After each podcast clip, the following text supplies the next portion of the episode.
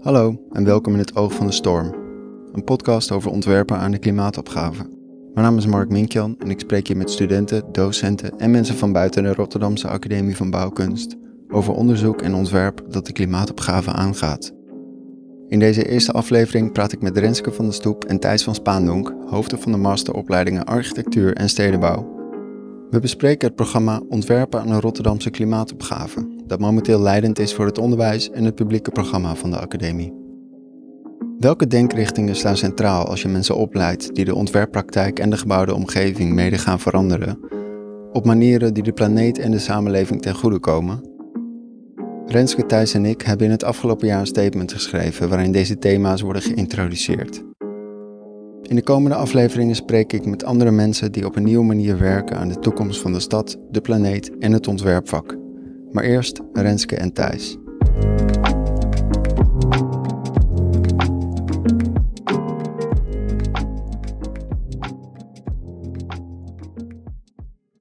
Volgens mij is het goed dat we even iets zeggen. ehm, dat wij kort bespreken wat de, welke zes thema's we hebben bepaald, vastgelegd. En wat we daarmee bedoelen.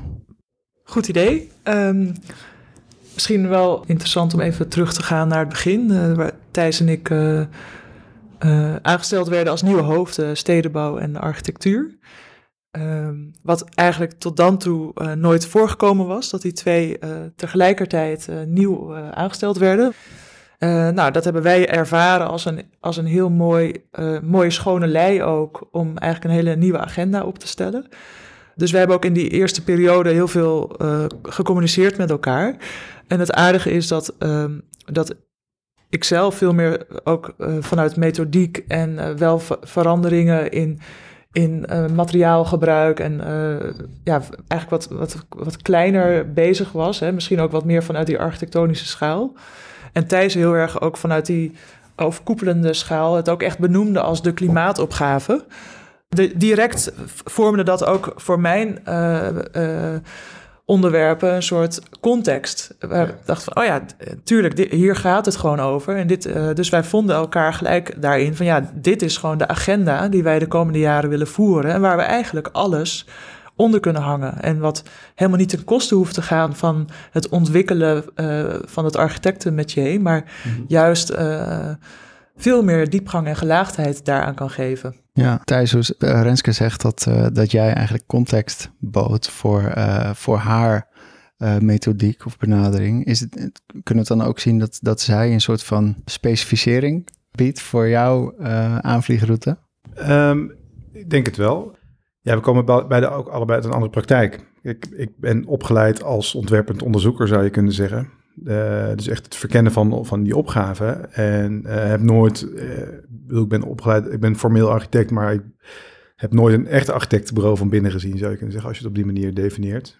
Nooit aan bouwen toegekomen, nooit met opdrachtgevers ingewikkelde dingen hoeven doen, maar ook nooit binnen een hele grote professionele organisatie gewerkt. En ik denk dat daar ook een soort aanvulling zit, dat Renske de, gewoon de, de, de, de, de, bouwcultuur, zeg maar, en, de, ja, en ook de bouwwereld en ook eh, hoe, eh, hoe je voor opdrachtgevers werkt, hoe je die meeneemt in zo'n proces. Dus dat, de uitvoerende kant van ons werk, zou je kunnen zeggen. Ik denk dat daar wel echt een aanvulling zit.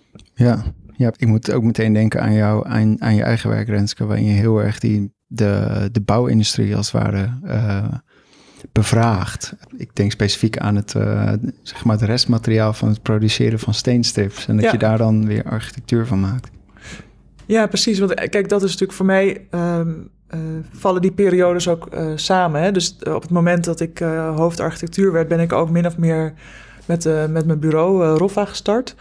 Ehm, en ik merkte gewoon dat, dat het super interessant was om eigenlijk waar we over spraken op de academie, om, om dat zelf ook nou ja, te doen, zeg maar, in mijn praktijk. En dus, dus wij zijn wel ook steeds op zoek naar eh, anders omgaan met materiaalgebruik, die reststromen te ondervangen, eh, een antwoord of bijdrage te leveren aan, aan die circulaire economie.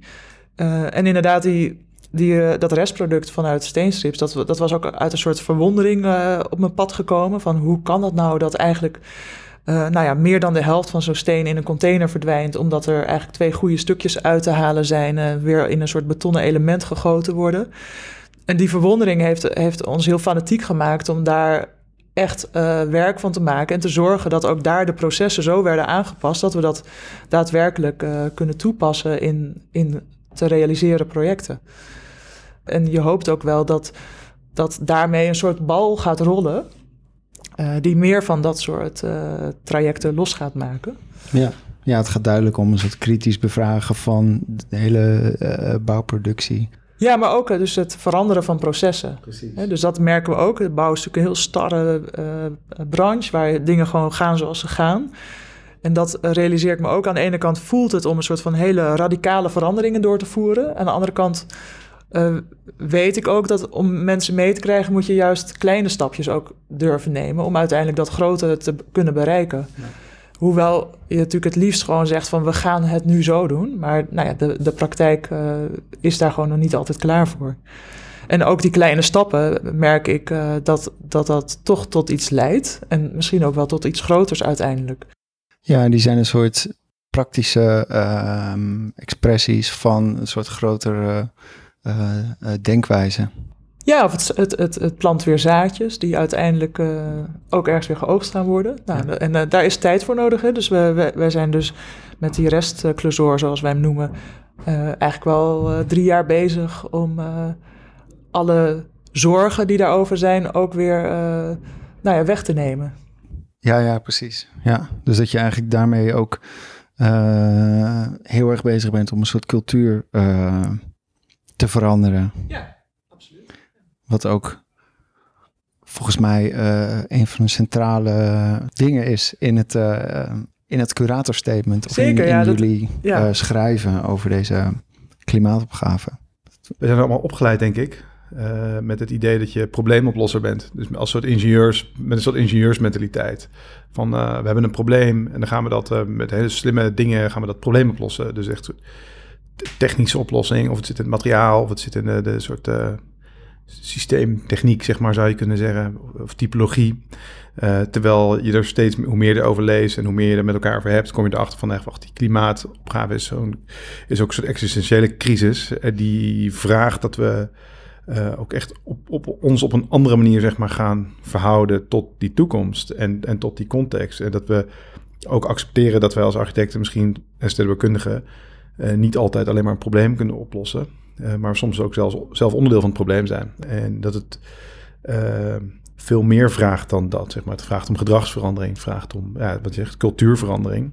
En daar is denk ik de academie, of denken wij, dat de academie daar de, de goede plek voor is om dat met elkaar te verkennen, wat, dat dan vraagt, wat dan die cultuurverandering is en wat dan die cultuur wel zou kunnen zijn waar we naartoe zouden moeten. Ja, ja, misschien kunnen we, kunnen we door een paar van die, of door misschien alle subthema's die zijn geformuleerd, om ook aan de hand daarvan voorbeelden te kunnen geven van hoe, wat stellen we ons dan voor, zeg maar, in die cultuurverandering? In wat voor ja, cultuur of wereld um, moeten wij onszelf voorstellen en daar misschien ook een andere rol voor onszelf in uh, bedenken. Ja, misschien wel. Kijk, wij zijn allemaal opgegroeid, of ik tenminste, met uh, een betere wereld begint bij jezelf.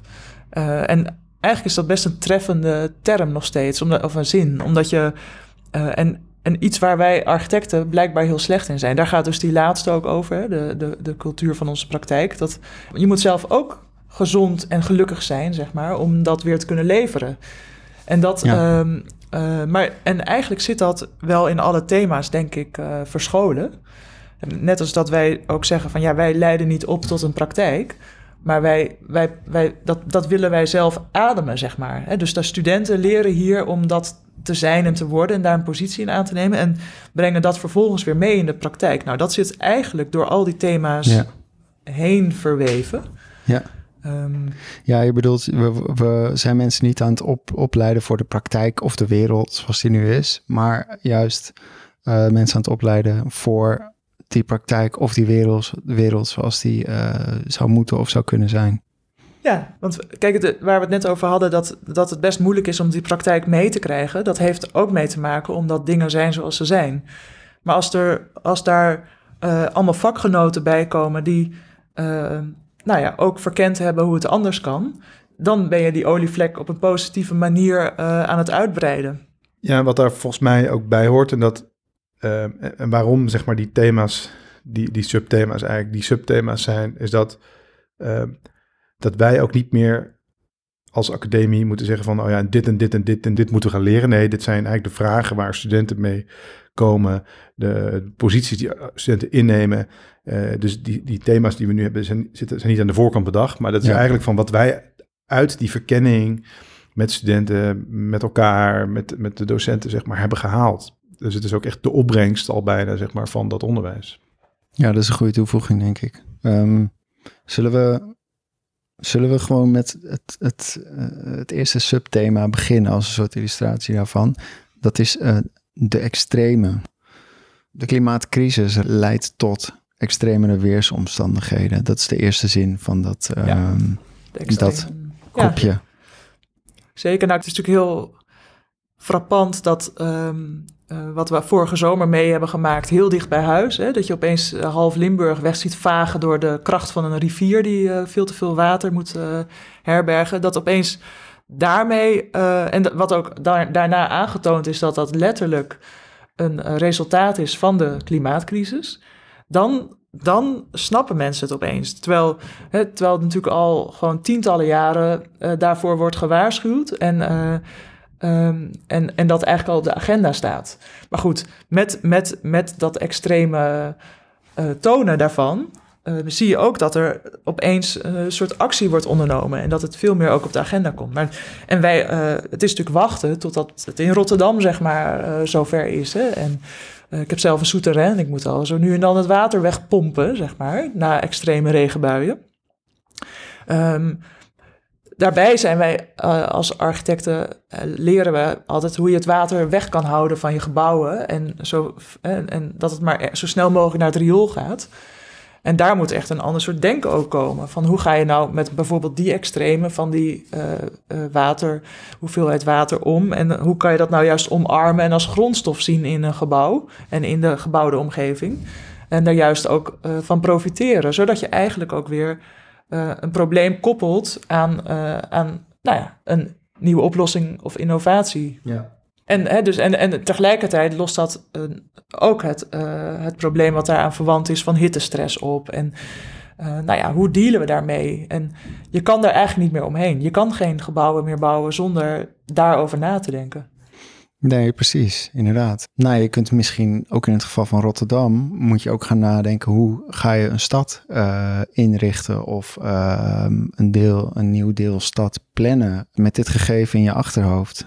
We zijn natuurlijk gewend ook in de waterbouwkundige traditie om gewoon, uh, weet je, we, zeker in Nederland, we verdedigen ons tegen het water en we, we, we bouwen dijken en dammen om dat water maar buiten te houden of binnen te houden. Ehm, maar je ziet gewoon dat dat in veel gevallen steeds meer problemen, op, meer problemen oplevert dan dat het problemen oplost.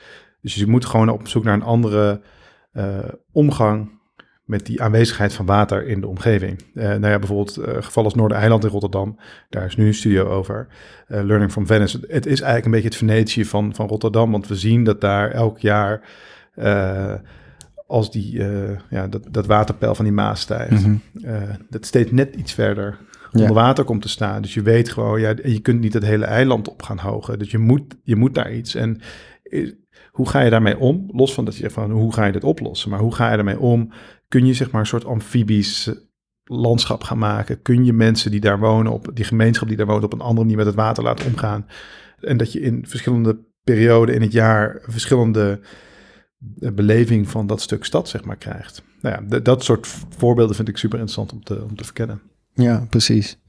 Dus het gaat heel erg om hoe ga je leven met, met die extreme. Uh, en misschien minder hoe ontwerp je tegen uh, extreme ja. omstandigheden. Ja. Ik denk ook dat je, uh, als je gewoon naar de kaart van, van Nederland en zeker van de Delta kijkt, niet zozeer 100 jaar geleden, maar wel 500 jaar geleden, dan zie je gewoon dat die, dat die delta permanent van gedaante verandert door hoe dat water daar doorheen stroomt. En we hebben natuurlijk in de afgelopen, nou ja, zeg 70, 80 jaar het soort vastgeklikt van zo is het, permanent. En dat is gewoon onhoudbaar. Dus we moeten op zoek naar weer een soort nieuwe manier van welke vrijheid geef je aan het water? Welke, nou ja, wat betekent dat voor, voor de mensen die daar wonen? En uh, ja, hoe, hoe, hoe ga je daar als ruimtelijk ontwerper dan mee om? Volgens. Ja, en wat meer met een soort onzekerheid ook durven, ja. durven leven. Um, als we even naar, naar, het volgende subthema gaan, dat, dat hebben we getiteld De schuinstreep het andere. Um, dus dat gaat, ja, dat gaat over de, ja, de diversiteit van biosfeer en, en, en uh, eigenlijk onszelf daarbinnen zien als maar één element in plaats van uh, het hoofdelement. Nou ja, kijk, dat, dat, dat, dat is, gaat onder andere over natuurinclusiviteit. Dus dat we uh, niet alleen maar gebouwen uh, ik spreek natuurlijk heel erg vanuit gebouwen van, vanwege mijn architectuurpositie hier ook. Uh, maar uh, niet alleen gebouwen voor mensen ontwerpen, maar daar ook, nou ja, dat we ook weten dat heel veel bewoners van dat gebouw dieren zullen zijn. En daar kan je natuurlijk, en omdat die biodiversiteit ook onderdeel is van, van, van onze omgeving en, en een heel belangrijk onderdeel. Ja, en daarnaast gaat het volgens mij ook over Um, volgens mij hebben we het in ieder geval zo bedoeld over uh, dat, dat wat je hier doet, zeg even Rotterdam. Dus dat je bouwt hier iets of je, uh, nou ja, de haven zeg maar, is verbonden met andere plekken. Uh, op andere plekken in de wereld.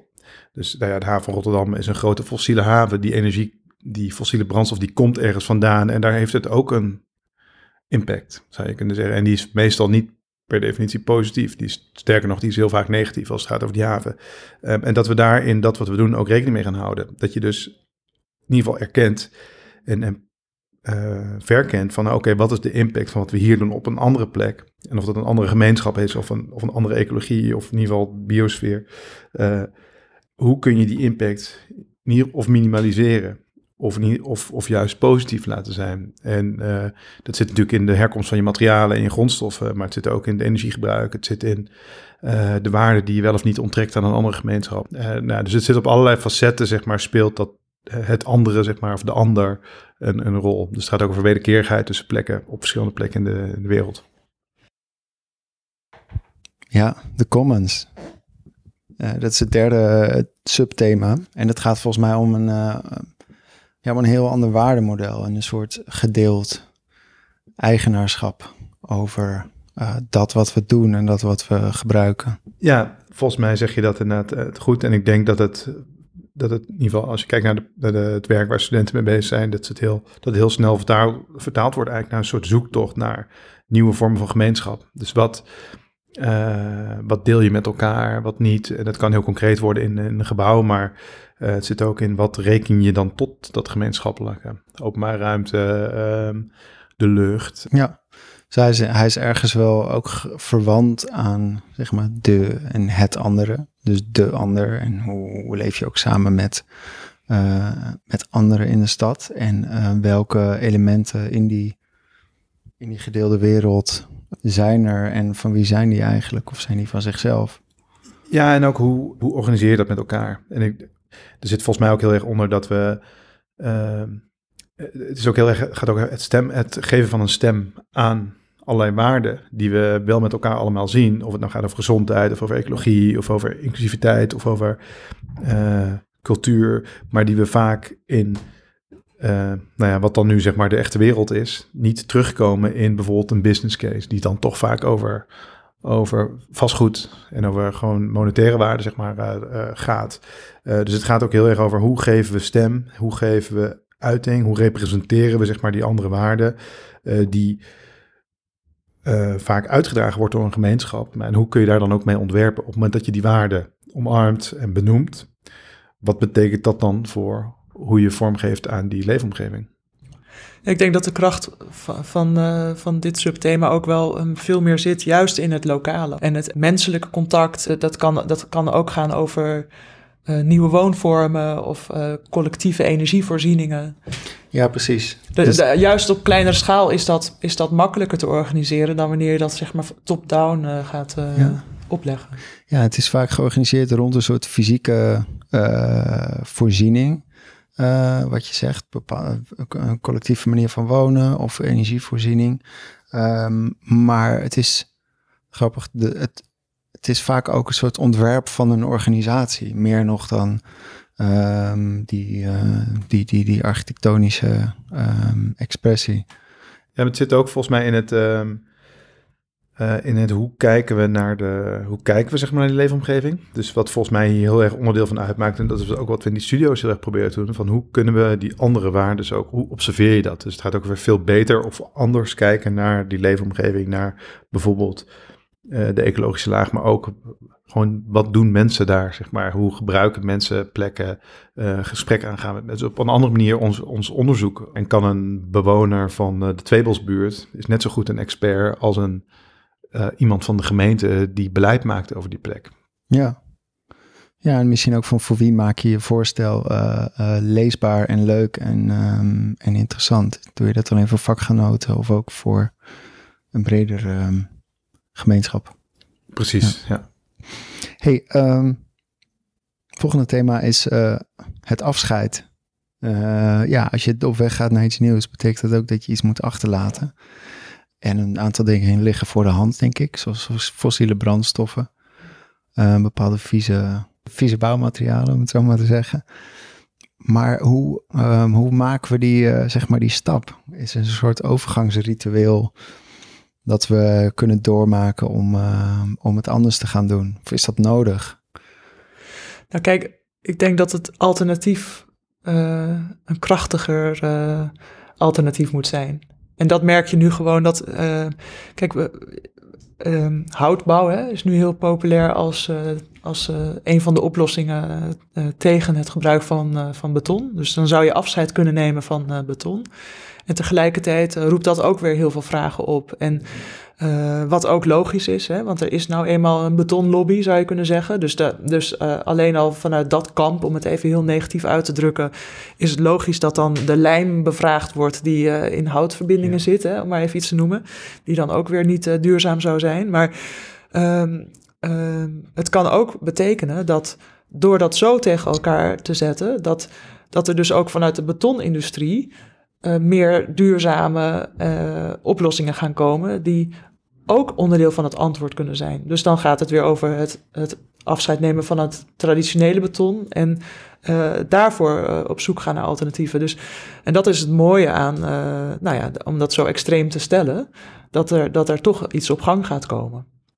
Ja. Zelfs bij de grootste voorstanders van de, van de, de minst gewenste ja, nou ja, nou manieren van doen Precies. Moet er wel iets veranderen. Ja, maar dat is het mooie natuurlijk, dat op een gegeven moment kunnen ze er ook niet meer omheen.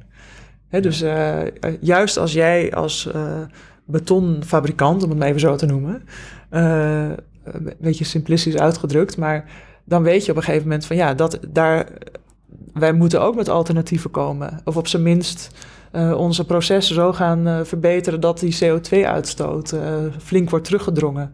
Ja, je merkt nu wel dat dat dat daar langzaam uh, iets in beweging komt. Maar er moet nog zoveel ontdekt worden. En dat is natuurlijk weer mooi aan, aan, aan zoiets als de vrije ruimte op de academie. Dat je daar dus ook al verder kan denken. En, uh, nou, en ook na, naar uh, onderzoek kan doen naar materialen die dat afscheid in ja. werking kunnen stellen. Thijs, wat, wat, wat denk jij over afscheid? Um, ik denk over afscheid dat het vooral gaat over dat we in ieder geval kritisch moeten gaan bevragen allerlei dingen die we nu voor zekerheid aannemen. Dus dat je gewoon uh, dingen, economische wetmatigheden of uh, uh, de posi positie van de havenbod in Rotterdam, dat iedereen dat als een soort van natuurwet bijna ziet. Ja. En dat je dat in ieder geval kunt gaan bevragen van als we het hebben over een, een toekomst een, een duurzame toekomst, een volhoudbare toekomst zou je kunnen zeggen. Um, wat is dan de rol van dat soort plekken uh, nog in, in die toekomst? En, en dat we in ieder geval de vrijheid met elkaar kunnen, uh, in ieder geval afscheid kunnen nemen met het feit dat je het niet meer kunt bevragen.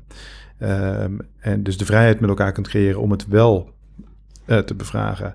En wat ik, nou ja, bij dat thema het afscheid, wat ik ook er mooi aan vind, is dat je, kijk, afscheid nemen, ook als het kan, gaat vaak over iets wat je aan het hart gaat, zeg maar. Dus wat je, iets wat je waardeert, moet je afscheid van nemen, noodgedwongen vaak. En, um, eh, dat dat ook een moment is waarop je terugkijkt op van wat dat allemaal heeft gebracht. En dat is soms, zeg maar, is dat een te romantisch beeld. Maar in ieder geval, je haalt wel even op van, oké, wat heeft het ons allemaal gebracht? Wat, wat, heeft, wat heeft die geliefde voor mij betekend? En uh, dat zijn herinneringen, die neem je ook mee weer naar de toekomst. Maar het is ook een moment dat je zegt, oké, en nu kan ik dus weer met een frisse blik vooruitkijken en... Uh, aan iets nieuws gaan werken. Uh, ja, het is misschien even pijnlijk, maar het is ook een ritueel waarmee je uh, jezelf weer soort opfrist voor wat er komen gaat. En ik denk dat dat er ook een belangrijk deel van is. En dat we dus ook met elkaar, dus niet alleen moeten zeggen dat wat in het verleden ligt, die fossiele brandstof, het is allemaal slecht.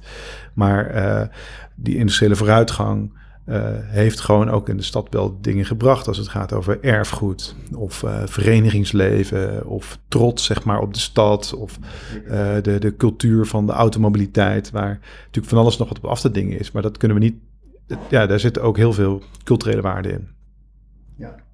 Het is ook een soort rouwproces dus eigenlijk. Nou ja, ja. dat is het. Je hebt een... Um, ik kan me herinneren dat ook de, die Oslo-triennale die ging over degrowth daar hadden ze ook inderdaad een soort van uh, een soort, een soort rouwtheorie aan van, van een uh, psychiater. Uh, en dat, het, het, gaat ook inderdaad over dat je verschillende soort van fases, fases doormaakt. Ja. Van, ehm, van boosheid tot aan acceptatie en alles wat daartussen ligt. Ja, wat volgens mij wel belangrijk is, als het gaat over die, die duurzaamheidsagenda, dat je dus dat duurzaamheid dus niet alleen over technologie gaat, maar dat je dus als we dus op een andere manier onszelf voortbewegen met elektrische auto's, om het zo maar te zeggen, dat we niet die, die cultuurkant van dat dagelijks gebruik uit het oog verliezen. En dat je dat dus meeneemt. En dat dat dus niet allemaal maar shiny, innovatieve technologie is, die, maar dat er ook eh, verhalen bij horen, gebruik, routines. Uh. Ja. Ja, het is misschien wel een bruggetje naar het volgende onderwerp. Daar ging het al een beetje over. Maar uh, het, hoe we bouwen. Dus de bouwindustrie en het gebruik van materialen. Uh, nou, zoals je al aangaf, Renske, dat, dat is gewoon enorm aan het veranderen op dit moment. En uh, nou, wat wel interessant is, denk ik ook voor juist voor architectuurstudenten, hoe kun je ook uh, aan de ene kant zorgen dat het niet, uh, het gebruik van die nieuwe bouwmaterialen niet resulteert in een, uh, hè, een soort geitenwolle sokken esthetiek, wat vaak als een soort een beetje denigrerend ja. wordt ge, ge, gezien. Maar hoe kan het, en maar ook niet een soort van één op één vervanging van materialen of, of elementen die we nu um, gebruiken. Dus, en, en dat zie je ook bij verschillende studio's, dat, dat studenten ook echt op zoek zijn naar nieuwe typologieën, nieuwe vormgeving die dat als het ware um, uitdragen. Wat dat betreft, als we het over, over fases hebben, denk ik dat we het geitenwolle sokken gevoel al wel voorbij zijn hoor, wat dat betreft. Dus ja. daar, daar worden echt al wel stappen gemaakt. Maar kijk, het gaat ook wel weer over dat, dat, dat bedrijven natuurlijk al geïnvesteerd hebben, ook in materieel, die bepaalde uh, bouwmaterialen verwerken. Dus uh, om maar even iets te noemen, de tunnelbekistingen, uh, waarmee we al die rijtjeshuizen bouwen. Ja. ja, die zijn gewoon ingekocht met een, met een soort afscheidtijd, schrijftijd van zoveel jaar. Mm -hmm. En daar, daar is toen nog niet over nagedacht dat dat wel eens heel erg dat dat bevraagd zou gaan worden. Um, ja, want dat was een soort, juist een soort zekerheid waar, waar Thijs het net ook over had. Um, maar ja, en wat natuurlijk ook apart is, is dat uh, vooroorlogse prijzen iets is niet van 75 jaar geleden, maar iets van een jaar geleden, zeg maar, inmiddels. He, dus, dus die krijgen we er ook nog eens overheen. Dus daar waar we, prijzen? Nou ja, nu we natuurlijk uh, de oorlog hebben, uh, Rusland-Oekraïne, dat heeft heel veel invloed. En dat is natuurlijk ook heel interessant, hè, dus hoe politiek het ook eigenlijk allemaal is, op, op bouwprijzen. En hoe machtig uh, zo'n land als Rusland dan ook is.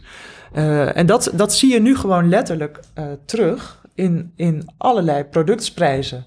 En ja. ook, uh, ook de bouwprijzen zijn daarmee zo enorm gestegen in een hele korte tijd. Dat de, de stapjes die we gemaakt hadden om afscheid te nemen van bepaalde materialen en over te stappen op, op andere bouwmethodes, ja. eigenlijk ook weer heel erg ehm, in, de, in de knel komen te staan. Ja, vanwege de, de prijsopdrijvingen. Ja, dat is misschien op korte termijn dat het nog, uh, omdat het systeem wat toch nog op een bepaalde manier functioneert, dan denkt van, oh nee, we kunnen ja. even niet uh, heel duurzaam zijn, want uh, de prijzen gaan omhoog. Maar op langere, iets langere nee, termijn nee, klopt, dringt het ja. misschien ook een... Uh, Nee, de grap is dat het anderzijds ook uh, iets in beweging zet om Mhm. echt dingen te veranderen. Hè? Dus uh, opeens uh, is de noodzaak om, om van het gas af te gaan uh, nog extremer geworden of nog urgenter geworden, zou Ja. je kunnen zeggen. En ook dat, dat, dat besef van afhankelijkheid, dat, dat, dat dat eigenlijk een, een heel kwetsbaar iets is. Ja. dus, dus juist dingen meer lokaal organiseren en het meer bij jezelf houden. Ja, Uh, dat, dat, uh, nou, dat, dat, dat, dat is nu een heel voor de hand liggende uh, oplossing eigenlijk daarvoor. ja ik Maar dat neemt niet weg, sorry Mark, uh, dat neemt niet weg dat we, dat we toch weer voor ons gevoel een beetje terug naar, naar start moeten, zeg maar. En, uh, maar goed, dus ook nog even afwachten hoe zich dat ontwikkelt. Ja. ja, dat is misschien ook een soort van in het klein dat rouwproces wat je door moet, inderdaad. Ehm, maar het is wel interessant wat je zegt van dat dingen veel lokaler moeten worden bekeken en georganiseerd en opgelost. Ik herinner me ook een student die dan die het ook voorstelde om uh, productiebossen op te nemen in um, gebiedsontwikkeling. Um, nou ja, dat is misschien één voorbeeld uh, van hoe je inderdaad ook je materiaal veel, veel dichter bij huis kunt gaan zoeken in, uh, voor je gebouwde omgeving. Zeker, ja. Dus, kijk, en daar kan je natuurlijk ook wel weer van de ander leren. Dus uh, in Scandinavische landen wordt heel veel met hout gebouwd als een soort van zelfsprekendheid. Ja. En uh, ergens uh, in de geschiedenis heeft Nederland dat moment ook gehad. Namelijk, wij waren echt een bosbouwland. En natuurlijk ook, ja, daar is een soort andere wissel genomen. Maar uh, ja, je kan wel weer denken van, oh, oké, okay, dus daar blijkt, hè, werkt zo'n systeem en hoe kunnen wij ook weer naar zo'n soort systeem? Dus dat we, dat we weer veel meer lokaal onze eigen, uh, nou ja, materialen, hout in dit geval, gaan produceren. Uh, maar goed, ook, en dat is grappig, dat we ook weer teruggaan naar eigenlijk een soort van oermethodes van bouwen. Hè? Dus dat rammed earth bijvoorbeeld, dat is ook gewoon met grond wat je eigenlijk voor handen hebt, ja. lokaal. Uh, en dat, uh, daar kan je gewoon bouwblokken van maken of hele muren van optrekken. Uh, nou, iets wat in Frankrijk bijvoorbeeld nog steeds gebeurt, maar wat, ja. wat bij ons compleet verdwenen is uit, uit, uit de manier van bouwen. Ja, en dan is het denk ik ook aan architecten om te laten zien dat dat helemaal niet primitief is. tenminste, het is voor de hand liggend in, in de zin van het is praktisch, pragmatisch, het is gezond, Precies. het is heel ja. erg nou, op allerlei of, uh, manieren is het een, een goede keuze. Um, maar het is niet achterhaald of zo, of uh, inferieur. Nee, dus primitief heeft in deze juist ook uh, een hele positieve lading. En dus we, we komen ook tot een soort inzicht dat, dat we ook weer terug moeten naar, naar eenvoudig denken. En dat we, dat we ook met elkaar dingen zo complex hebben gemaakt. En dat het soms gewoon toch in die eenvoudige oplossing schuilt. Ja, en daar dan tegelijkertijd echt wat tot de verbeelding sprekende architectuur Zeker, van ja. uh, kunnen hoe dat, maken. ja, hoe dat eigenlijk in de, in de culinaire cultuur in Nederland zeg maar eigenlijk ook gebeurd is. Vergeten de, vergeten groenten. en dus dat eigenlijk weer opnieuw een, een om- omarming van allerlei producten die we hier gewoon voorhanden hebben, hadden. Maar gewoon eigenlijk vergeten zijn te gebruiken. Ehm, en nu weer, ja, eh, elk fatsoenlijk restaurant eh, ontbreken ze niet meer op de menukaart. zou ik Nee, precies. Dat het echt heel erg insta-friendly is om een, uh, om een pastinaak op je bord te hebben. Zeker, ja. Ja, en ik denk ook dat als het gaat over die, die werkcultuur, dat de rol van de architect die nu, ik denk zeker sinds de vorige crisis, zeg maar 2008, 2009, heel erg gereduceerd is tot eigenlijk echt aan de voorkant nog een ontwerp maken, maar wat heel snel eigenlijk overgaat naar de bouwuitvoering en de bouwpartijen en de standaardisering. Dus je zegt van, uh, dus deels die biobased materialen, dus die nieuwe grondstoffen die we gebruiken voor nieuwe gebouwen, maar deels zou het bouwen ook weer kunnen gaan over inderdaad op een andere manier kijken van welke materialen hebben we voorhanden, restproducten van gebouwen die afgebroken worden. Uh, dus veel meer de, ook de circulaire economie in die zin. Dus wat is er al voorhanden en kun je Ja. dat gaan gebruiken uh, om ook je in je proces, dus dat het ontwerpen van een gebouw niet meer alleen maar een schets aan de voorkant bij spreken is, maar dat het, het ontwerpen en het bouwen veel met elkaar verweven raakt, Mhm. omdat je gewoon continu moet kijken van wat is er überhaupt beschikbaar en hoe, gaan we hoe gaat dat ons proces informeren. Ehm, dat dat dus ook echt een andere rol Ja. vraagt eh, van, van ontwerpers. Wat ik ook wel, eh, dat, dat is misschien niet precies dit thema hoor, maar wat ik wel interessant vind is dat, dat wij altijd het gevoel hebben gehad als branche, hè, dan met name ook wel de bouwers, van eh, de, wij bepalen ook wat er dan, waar die huizen van gemaakt worden. Maar dat we toch te maken hebben met een veel mondigere consument de laatste tijd. dus ik kan me nog herinneren dat we ehm, op een gegeven moment geen omgevingsvergunningen meer aan konden vragen met huizen die op gas waren aangestoten. En dus dat is heel rigoureus, is daar echt gewoon een knip gelegd. Van, vanaf nu moeten alle nieuwbouwprojecten alternatieve energieconcepten zeg maar, herbergen, zonder gas. Uh, en dat wij heel snel nog voor die datum er van die omgevingsvergunningen doorheen moesten rammen, omdat, we dan, omdat alles natuurlijk al geëngineerd was op dat gas. En vervolgens komen die woningen in de verkoop en zijn de potentiële kopers uiterst verbaasd dat dat nog projecten zijn met gas erin. Ja. En dan zie je ook hoe snel dat gaat, wat heel positief is. Want daarmee zie je dus ook dat die, dat die, die bouwende en verkopende partijen daar dus helemaal niet meer de regie over kunnen nemen. Uh, maar dat dat ook een beetje weer wordt overgenomen. Ja, zeker. En dat is natuurlijk een hele interessante ontwikkeling. En die, die kaart kunnen wij ook wel meer gaan spelen, denk ik, als uh, ontwerpers dat dus die mondige consument daar ook een uh, stem in heeft. Dat dat we, nou, ik zit, het gaat dan inderdaad om over de eindgebruiker, uh, die ook, want dat hoe we bouwen, dat vind ik nog een interessant onderdeel hieraan. Dat je ook het bouwen meer als een soort collectieve um, onderneming ziet. Dus dat de uiteindelijke eindgebruikers of een soort gemeenschap daar ook aan mee kan doen. En dat zie je bij uh, ook een aantal studio's terug en ook bij werk van bijvoorbeeld um, Assemble. Dat het ontwerp ook zo wordt gemaakt. Uh, dat het dus met die voor de hand liggende materialen wordt gedaan, maar ook op een soort voor de hand liggende manier. Dat het bijna een bouwpakket is waar um, heel veel mensen aan mee kunnen bouwen. Dus um, nou, ik, ik heb daarover gedacht als het gaat over die verduurzaming. Er wordt continu gezegd van, ja, weet je, al die, die 7 miljoen woningen in Nederland moeten verduurzaamd worden.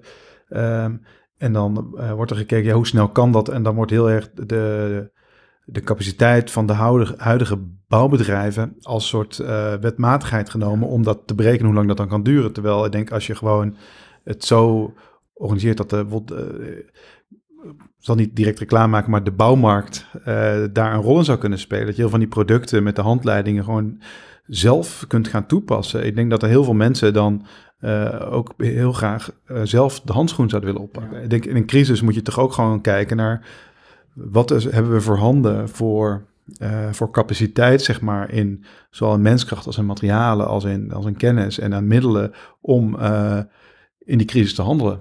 Ik denk ook, we moeten natuurlijk de vakman niet uh, onderschatten. Uh, maar er zijn heel veel uh, werkzaamheden die een leek ook kan doen. Hè, misschien wel onder regie van zo'n vakman. Ja, um, ja en dat, dat is natuurlijk ook mooi als je dus nog meer problemen kan koppelen aan elkaar. Hè? Bijvoorbeeld allemaal asielzoekers die, die nog werk zoeken. Je kan ook proberen problemen aan elkaar te koppelen en daarmee ook gewoon stappen met elkaar te maken. Ja, zeker.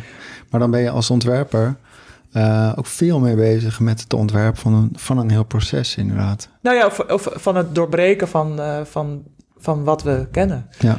En hoe we het altijd doen. Kijk, het geld onder de streep is uiteindelijk wat, uh, wat altijd doorslaggevend is. dus zolang dingen niet duurder zijn, dan, dan krijg je iedereen mee. Dus als, je, als er inderdaad interessante economische modellen tegenover staan, dan kan je makkelijker iets veranderen en doorvoeren. Zeker. Um, we hadden het er eerder al heel even over. Uh, het laatste onderwerp in, de, in het curatorstatement is dit, de, cultuur van de praktijk. Dus het gaat erom hoe gaan we om met ons vak? Hoe gaan we om met onszelf, met ons eigen welzijn? En hoe koppel je dat aan een soort um, welzijn van de maatschappij als geheel en de welzijn van de, ja, de aarde? Wat we volgens mij ook hebben opgeschreven, een architect of een, of een ruimtelijk ontwerper in zekere zin, Um, is een soort van, uh, wordt, wordt altijd een beetje neergezet, ook in onze opleiding, als een soort kunstenaar en, en individueel genie en, en uh, de, de, de, de bouwheer, zeg maar, of, of vrouw, die alles, uh, die, die de baas moet zijn in het proces. Dus er wordt heel veel opgehangen aan het individuele, ja, de competentie en karakter, zeg maar, van, van die persoon. En daar kijken we eigenlijk heel romantisch naar. En, ik, en, en daar hoort dan gelijk ook bij dat we het dus voor lief nemen dat om die status te verkrijgen ook uh, afzien, overwerken, uh, onszelf eigenlijk misschien wel zowel mentaal als fysiek uh, de vernielingen aan helpen, in helpen en dat ook accepteren dat dat dan blijkbaar zo is. Want dat hoort er nou eenmaal bij, al generaties lang. En ja, ik denk zeker door, de door, door, door, door corona, zeg maar, waarin heel veel van die uh, van de onderliggende problemen uh, eigenlijk werden uitvergroot. Dus je zag steeds meer mensen met burn-out klachten, uh, steeds meer mensen die, die het niet meer konden bolwerken, zeg maar. Dat er minder ruimte was, ook voor informeel gesprek. Uh, hebben we gewoon gezien, van, ja, dat, dat moet ook eindigen, zeg maar. Dat extractieve karakter van onze praktijk, van onze sector eigenlijk zou je kunnen zeggen. Daar moeten we ook gewoon een einde aan maken. En um, dit gaat natuurlijk over het individuele welzijn, maar er zijn natuurlijk ook gewoon veel. En die verhalen kennen we allemaal. En die verhalen zijn helaas ook vaak waar. Dat uh, veel mensen worden onderbetaald. Uh, stagiaires, zeg maar, vooral niet-Nederlandse werknemers, uh, worden echt uitgebuit. Wordt veel te weinig betaald voor in principe de kennis en de competenties en de opleiding die ze hebben. En het, en het academisch denkniveau. Ik kan me nog herinneren toen wij volgens mij net hier een paar maanden hoofd van de opleiding waren, dat we een lezing of eigenlijk een verhaal hadden van een, uh, van een vakbondsman, iemand van de FNV. Die kwam hier eigenlijk een verhaal houden waarom het belangrijk was dat we ons ook aansloten bij een vakbond. En die gaf als voorbeeld, en die poster heeft heel lang gehangen, dat een uh, beginnend stucadoor gewoon per maand veel meer verdient dan een beginnend architect. En uh, en dat verandert denk ik door de carrière heen. Verandert dat ook niet zoveel, eerlijk gezegd. Nou, en ik denk dus dat we echt ook met elkaar moeten nadenken over hoe kunnen we toewerken naar een soort duurzame werkomgeving. Voor iedereen. Zodat we ook dat welzijn en welbevinden, wat we nou helemaal belangrijk vinden, ook zelf kunnen uh, ontwikkelen. Maar ook door kunnen geven aan de volgende generatie. Maar ja. ook aan, aan onze omgeving, zeg maar, de, de, de eindgebruikers van die gebouwen, nou, noem maar op. We hebben natuurlijk op de academie best een uh, bijzondere situatie dat onze studenten uh, met beide benen in de praktijk staan en dan daarnaast ook nog uh, de academie doen. Mm -hmm. dus dat is sowieso natuurlijk al een formule dat je het druk hebt. maar dat neemt niet weg dat, dat dat beeld van overwerken ook vaak een beetje geromantiseerd wordt. Ik heb ook jarenlang op feestjes verteld dat dat er gewoon bij hoorde. En dat dat sterker nog, dat was juist misschien wel waar je de kick van kreeg. Of, maar voor mij is het vooral dat ik nu zie dat er een soort nieuwe generatie aan bod komt. die heel anders denkt over uh, werk, privéverhoudingen. Uh, maar wel net zo ambitieus is. Maar nou ja, dan, en dan ga je wel nadenken: hoe kan je dat dan in balans brengen, zodat je met elkaar hetzelfde kan bereiken maar waar die balans gewoon veel beter is. Ja. En uh, dat heeft mij wel aan het denken gezet uh, hoe we er anders mee om kunnen gaan. Het begint uiteraard op die opleidingen. Dus academie heeft daar een ander soort positie in, maar op, een, op de universiteiten uh, is dat ook al aan de orde. Hè? Dus daar, daar word je ook door docenten aangespoord om uh, nachten door te werken, om je product nog beter te maken en nog meer te leveren. En dat, nou, dat is iets waar wij nu hier wel ook meer op toe willen zien. Dat dat veel meer gaat over wat leer je hier en wat is zeg maar die, die toegevoegde waarde ten opzichte van de praktijk. Dan dat je het allemaal dubbel zit te doen en, en dus ook heel veel werk aan het uh, verzetten ben, bent, wat misschien helemaal niet tot hetgene leidt waartoe we op willen leiden. Ja, want wat concreet betekent dat dat, dat volgens mij jullie ook wel een beetje aan het herzien zijn van wat is er echt nodig? Wat moet er echt worden geproduceerd binnen die studio's en wat hoeft misschien niet elke keer voor elke opgave? Ik denk dat wij vooral dat een grote valkuil is dat. Kijk, onze docenten werken allemaal in de praktijk. Hè, dus die hebben, zijn ook gewend om bepaalde producten te maken bij bepaalde projecten. Maar hier heb je juist de mogelijkheid, en, uh, en dat, dat moeten onze docenten natuurlijk ook inzien, om ook anders aan producten uh, of aan projecten te kunnen werken, met ander soort producten. Waardoor er veel meer focus ligt op iets en niet weer heel die complete set van alles. Uh, en nou ja, wij geloven er heel erg in dat dat gaat resulteren in uh, gewoon hoger kwalitatief werk. Ja. En uh, dat het dus minder om die kwantiteit uh, gaat. Want dat is ook, hè, op het moment dat, je, dat, je, dat er een soort cultuur is om veel te werken, is dat ook een soort waar je je achter verschuilt. Want dan doe je maar gewoon heel veel. En ja, meer kon ik niet doen, want er zitten ja. maar 24 uur in een dag. Ja, precies. En dan is het ook altijd deadline. En, altijd en dan ben je altijd aan ja. het rennen en um, niet, niet zo vaak meer aan het reflecteren. Um, en nog één ding wat denk ik wel belangrijk is om te noemen. Dat is wat, wat je net ook zei. Dat uh, oké, mensen willen misschien niet altijd meer werken. Willen ook nog een leven hebben. Uh, dus dat, dat zou ook op de een of andere manier in die praktijk moeten worden gefaciliteerd. En dan ook nog het feit dat heel veel mensen willen hun leven op een um, andere manier indelen. Nou ja, en ook dat de, de praktijk nu uh, is in veel gevallen zeker niet een soort afspiegeling van de maatschappelijke diversiteit uh, die er is. Dus dat is iets ja, wat je niet direct uh, binnen, binnen, binnen de opleiding kunt oplossen.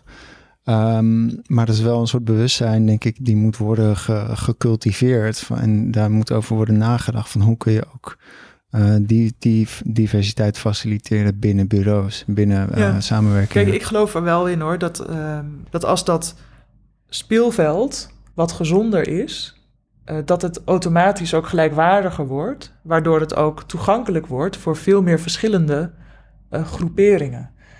En, en dat is natuurlijk best een interessant uitgangspunt. Ja. Want een gelijk speelveld, dat, dat, dat biedt gewoon heel veel kansen. En dan is het niet meer exclusief voor die ADHD-architect die, uh, die al die uren maar moet maken omdat hij anders het niet overleeft. Nee, er is, er is opeens gewoon ruimte voor, nou ja, voor veel meer kleur, letterlijk en figuurlijk. Ja. Ja, en ik denk daarnaast ook dat, dat we ook op een andere manier moeten gaan kijken naar welke wat benoemen we als kennis of expertise of, of ervaring. En dat je, want we, we, ons vak gaat over het vormgeven van de leefomgeving. En daarover nadenken en daar uh, ideeën over ontwikkelen.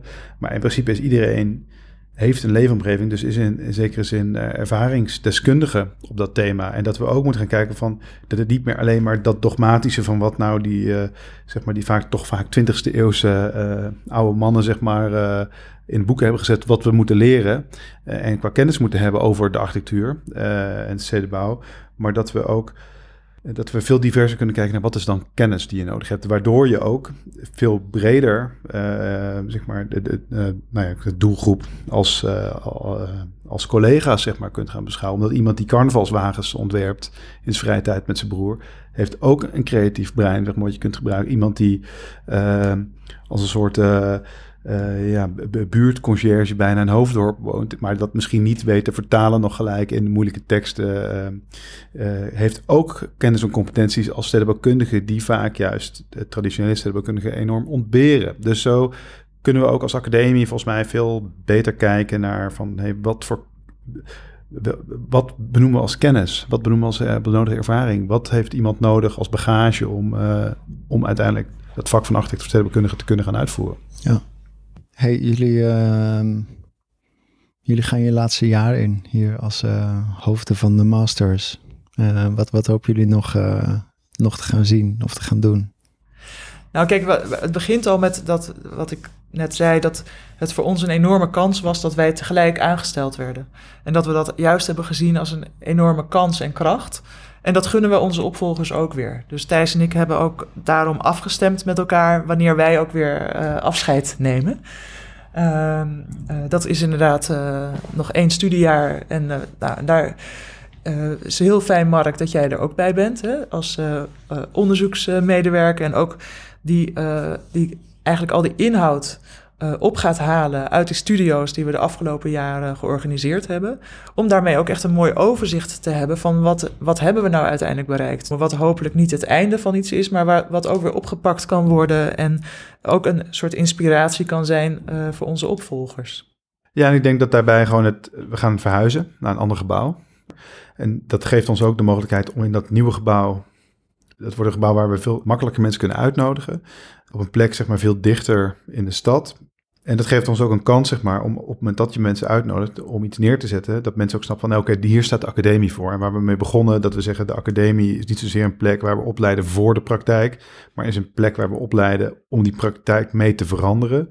Uh, dat we dat verhaal daar ook veel meer kunnen gaan neerzetten. En ik hoop dat uh, het toch heel erg gaat over studenten pushen om na te denken over hoe zo'n alternatieve toekomst eruit zou kunnen zien. Dus wat uh, dus wat we nu beschouwen als realistisch en als de realiteit, de business as usual, ja, je ziet toch dat dat onhoudbaar is geworden. Dus we moeten zeg maar een, dat los durven laten en een andere toekomst, en of dat er één is, volgens mij is dat een veelheid aan toekomsten, die durven gaan schetsen met elkaar. En als we daar dat onderwijs voor kunnen gebruiken komend jaar, dan, dan ben ik best hoopvol. Nog even terugkomend op, uh, op dat aspect dat wij dus niet opleiden voor de praktijk. Um, maar dat we eigenlijk, dat onze docenten en studenten ook de ambassadeurs zijn van die alternatieve toekomst.